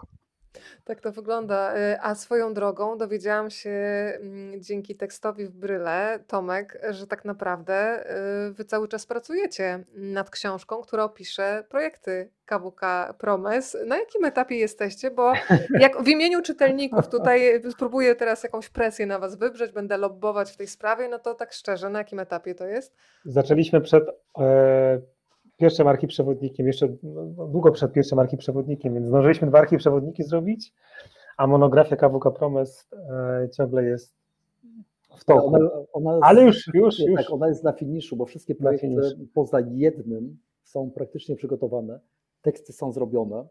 Ja tak zdradzę, że, że my to robimy, to jest taka praca pomiędzy, nie wiem, Polską, Szwajcarią i Australią, dlatego że, że będzie to wydawało Images wydawnictwo globalne, ale australijskie. Za książkę, książkę można powiedzieć edytuje, autorem miał być, ale teraz edytuje, bo teraz się pojawił inny pomysł, Philip Joy Didio, taki świetny krytyk, który się zajmuje architekturą. Zresztą, jeżeli ktoś z Państwa się zetknął z jego albumami, no to wie, jak to wygląda. Jeżeli ktoś się nie zetknął, to polecam, bo to naprawdę architektura wysokich lotów zawsze przez niego jest pokazywana. No i e, tu Tomek e, bardzo, bardzo gdzieś nam pomaga, e, bo świetnie pisze i widzi pewne rzeczy, widzi też je krytycznie. To jest ważne, bo to takiego spojrzenia krytycznego potrzeba. I Tomek, stary, prośba. Dzisiaj odpoczniemy, jutro, słuchaj, zadzwonię, wiesz, jedziemy dalej, okej? Okay? Tomek, przepraszam. moja wina, moja bardzo wielka wina, przepraszam. Słuchajcie, to jeszcze zabierzmy Państwa do domu mm, wielopokoleniowego, bo przyznaję, że bardzo jest mi bliska taka idea łączenia ludzi. E, bardzo lubię osiedla, w których ludzie się znają, może nie po imieniu, ale znają na przykład imiona swoich czworonogów, e, rozmawiają ze sobą. Trafiłam kiedyś na malutką wioseczkę Walenterzów w Portugalii i byłam absolutnie zachwycona, że dom starców był tam w centrum.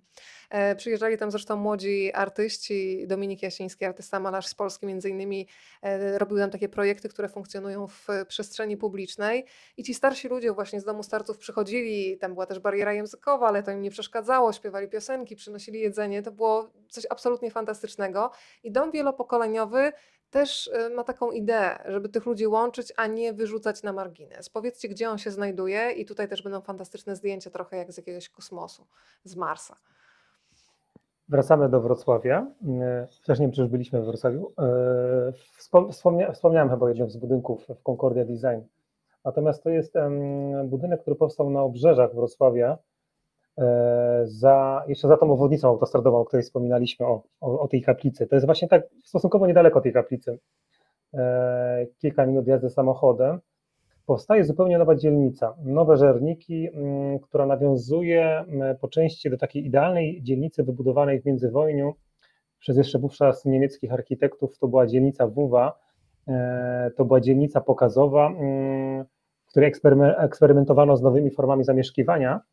E, Wtedy w Niemczech e, w kilku miejscach powstały takie idealne osiedla, między innymi w Stuttgarcie takie najsłynniejsze, którym były budynki Misa van den Rohe, Le Corbusiera i tak dalej. Natomiast te śląskie środowisko niemieckich architektów też zaprojektowało takie idealne mm, osiedle. I teraz prawie 100 lat później mm, śląscy, dolnośląscy, ale już polscy architekci nawiązują do tej idei stworzenia takiego pokazowego, wzorcowego osiedla, które nie ma być makietą, to ma być miejsce do mieszkania, to ma być taka żywa dzielnica. W czynie społecznym e, wytworzyli jakby m, w drodze warsztatów plan urbanistyczny tego osiedla, no i teraz poszczególne kwartały zabudowują inni architekci. I każdy z tych budynków często jest jakimś eksperyment, to może złe słowo, bo to nie jest eksperyment na, na ludziach, bo to są często mm, nowatorskie budynki, e, ale zupełnie przełamujące tą taką dominującą w Polsce typologię, gdzie mamy strzeżone osiedle, jakieś takie traumatyczne mikro e, place zabaw dla tych dzieci, które są jak na wybiegu e, czy w kurniku. Natomiast ci architekci tutaj dolnośląscy szukają jakichś takich zupełnie nowych, bardziej zdrowych. Dzieci zielononóżki mi się teraz, Tak, wiesz, skojarzyły. dzieci- Dzieci Zielonóżki. Tutaj jest jeden z takich budynków, który pokazujemy. Całe to osiedle jest ciekawe, więc tych, faktycznie tych, tych obiektów moglibyśmy pokazać więcej, natomiast skupiliśmy się na jednym, które powstało na obrzeżach tego osiedla. Dlatego ten, ten krajobraz jest taki trochę księżycowy, bo tu są jeszcze pola, natomiast w przyszłości tam też powstaną kwartały zabudowy, stąd na tym zdjęciu to wygląda właśnie jak powierzchnia mm, czerwonej planety. I ten budynek, jak wspomniałaś, mm, to jest dom wielorodzinny, mm, wielopokoleniowy, przepraszam Mhm. bo tutaj połączono dom dla seniorów mm, z takimi mieszkaniami dla wyna- wynajem dla młodych ludzi, plus w parterze jeszcze jest przedszkole, czyli mamy kilka pokoleń, e, kilka różnych grup społecznych, które e, w takiej typowej, w typowym mieście albo w takiej typowej deweloperce no nie mieliby prawa się spotkać, bo gdzieś tam dom dla, dla seniorów byłby gdzieś na obrzeżach, odcięty jakby od reszty miasta, te mieszkania na wynajem pewnie jeszcze inaczej by wyglądały, przedszkole jeszcze być może by nie powstało na takim typowym deweloperskim osiedlu, natomiast akurat w Nowych Żernikach, ponieważ to jest takie osiedle właśnie idealne, tam od razu się myśli o tym, że musi być przedszkole, że musi być szkoła, że musi być przestrzeń społeczna, że muszą być skwery, place. E, Tam od razu powstawała twarda infrastruktura, taka jak drogi, ulice, place, żeby ci mieszkańcy do tych nowych bloków nie musieli po błocie e, dojeżdżać czy tam skakać między kałużami. Natomiast ta, i ta inwestycja nas zauroczyła właśnie takim zupełnie nowatorskim podejściem typologicznym, że te różne grupy społeczne w jednym budynku mogą się spotkać. No i mam taki wspólny dziedziniec, to jest jakby takie serce tego budynku, trochę takie podwórko, gdzie dzieci mają plac zabaw, e, ci seniorzy mogą sobie wyjść.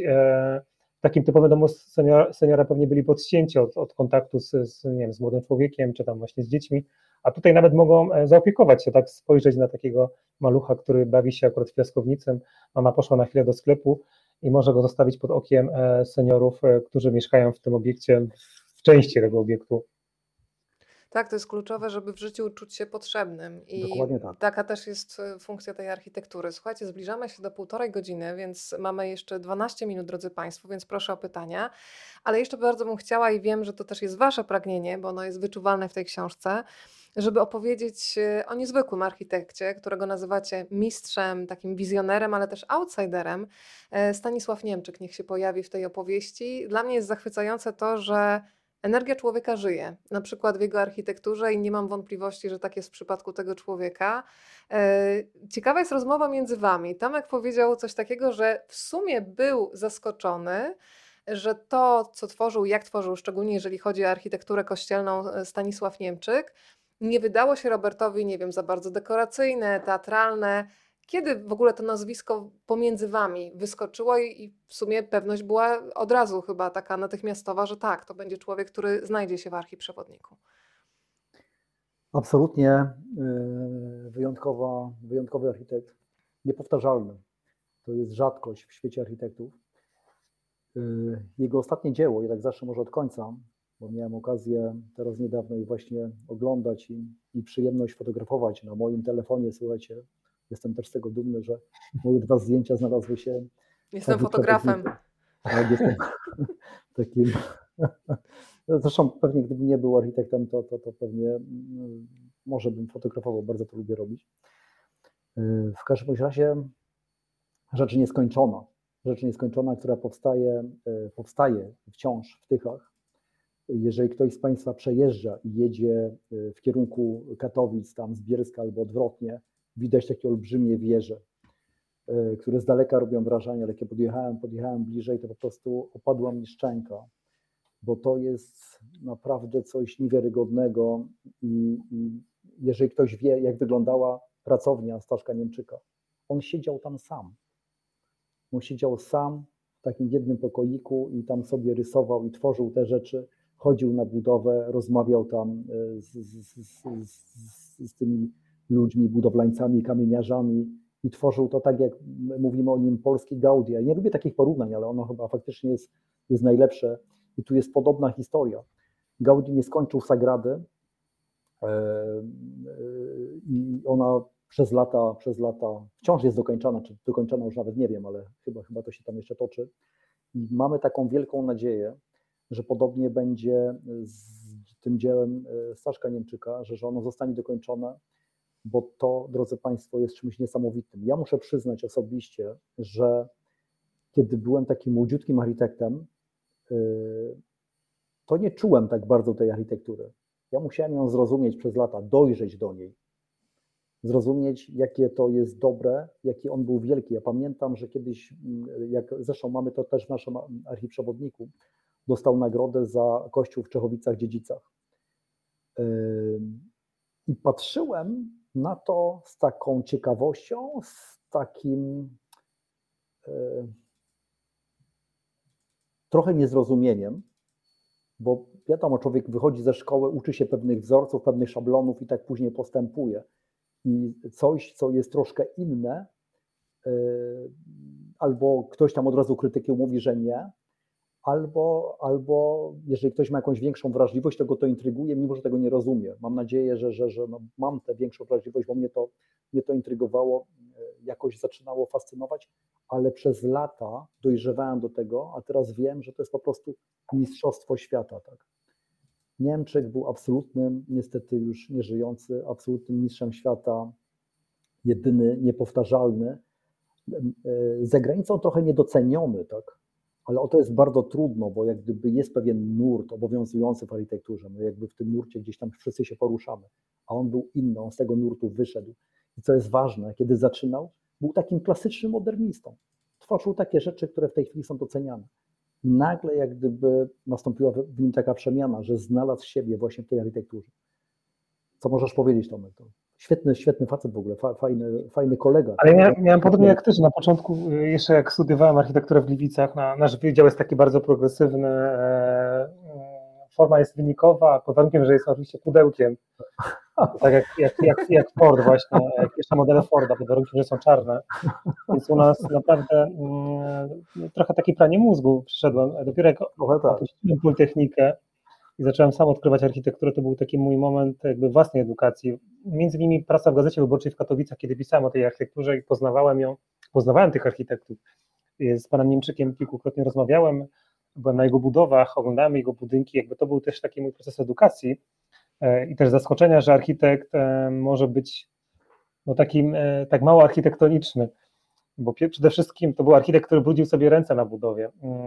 To nie jest architekt, który przyjeżdżał suwem w czarnym garniturku i tam tylko pokazywał palcem. Absolutnie nie. On po prostu z tymi robotnikami był na tej budowie. Co więcej, on miał taką olbrzymią wiedzę, jeśli chodzi o murarkę czy kamieniarkę, że on uczył tych wszystkich ludzi na budowach, a no, przyznajmy się, że budowy kościołów to są często budowy realizowane systemem gospodarczym, e, to parafianie jakby się zbierają i budują, więc to on często musiał edukować tych swoich pomocników, był takim trochę średniowiecznym muratorem. To też nie są takie projekty wyrysowane w AutoCADzie do ostatniego detalu, bo on te detale tworzył na budowie, na jakichś skrawkach papieru.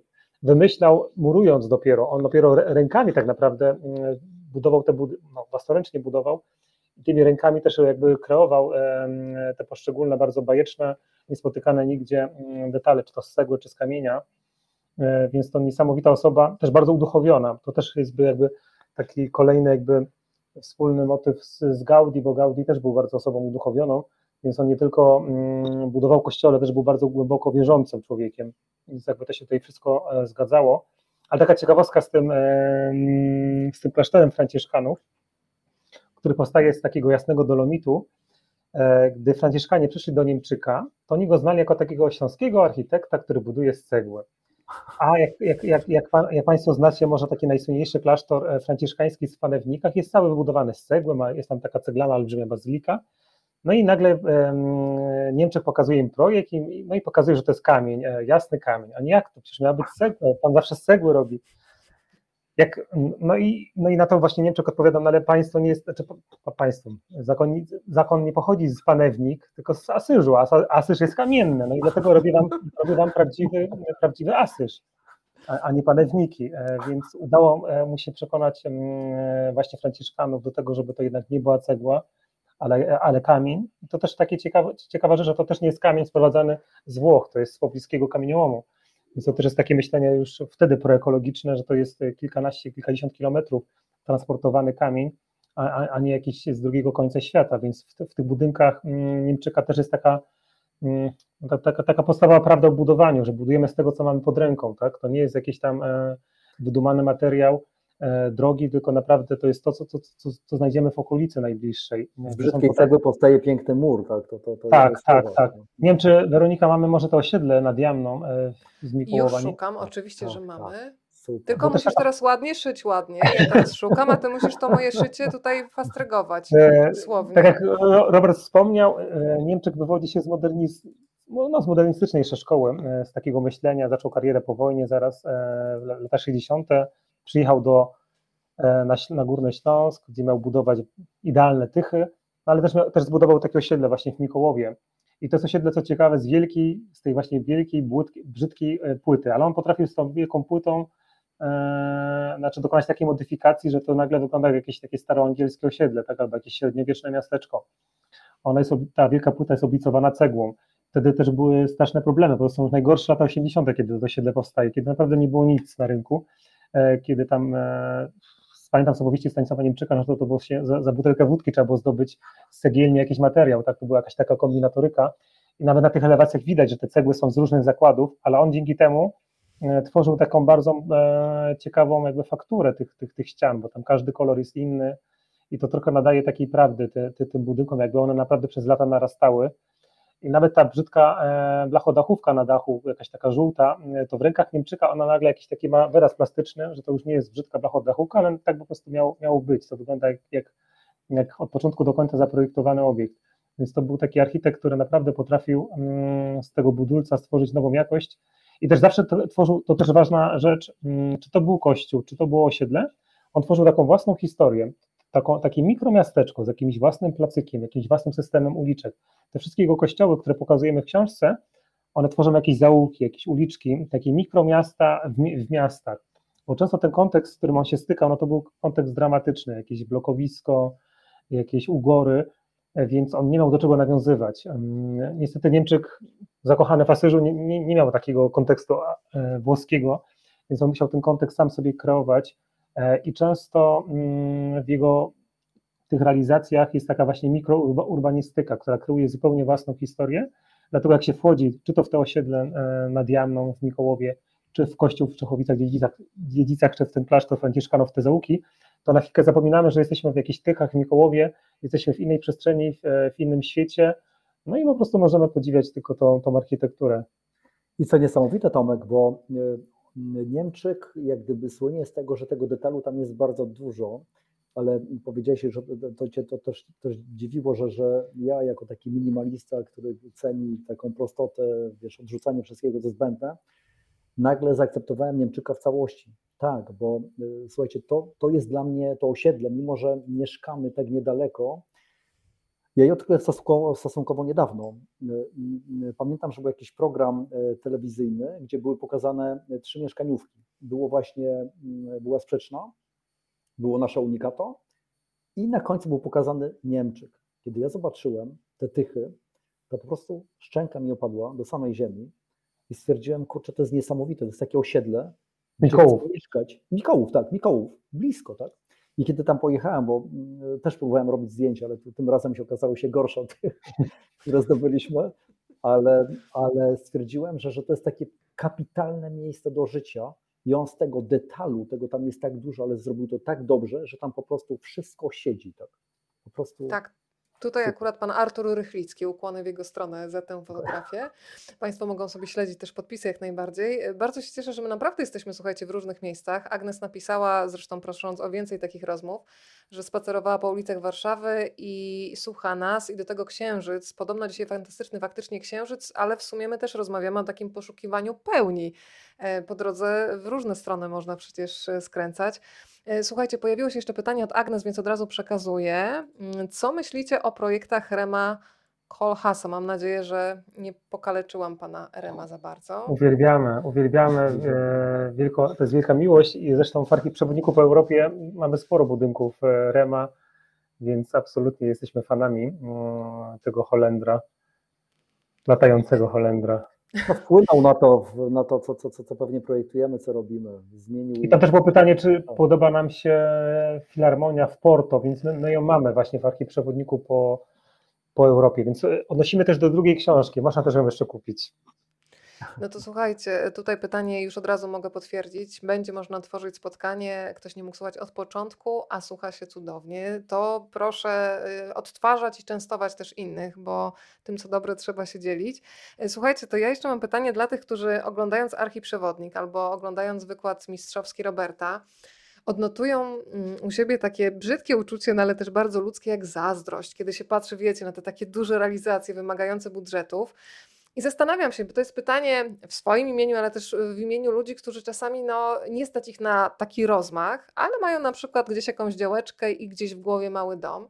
Jak często, Robert, przychodzą osoby mm, po projekt do takich biur projektowych jak Twoje i czy dla Was jest to wyzwaniem, żeby właśnie zmieścić się w takich no, niskobudżetowych realizacjach? Jaka to może być część, nie wiem, budżetu, który dana osoba, nie pytamy tu o konkretne kwoty, bo to zależy od realizacji fantazji, ale gdyby to procentowo, mamy człowieka, Mogę, który mogę, wejść, budżet. mogę wejść słowo jeszcze zanim, Pewnie. zanim bo teraz mi się przypomniało, że nie odpowiedziałem na pierwsze twoje pytanie, czy ona, historia naszej znajomości, bo ona się wiąże właśnie z takim niskobudżetowym domem. Dajesz wiem, nadzieję.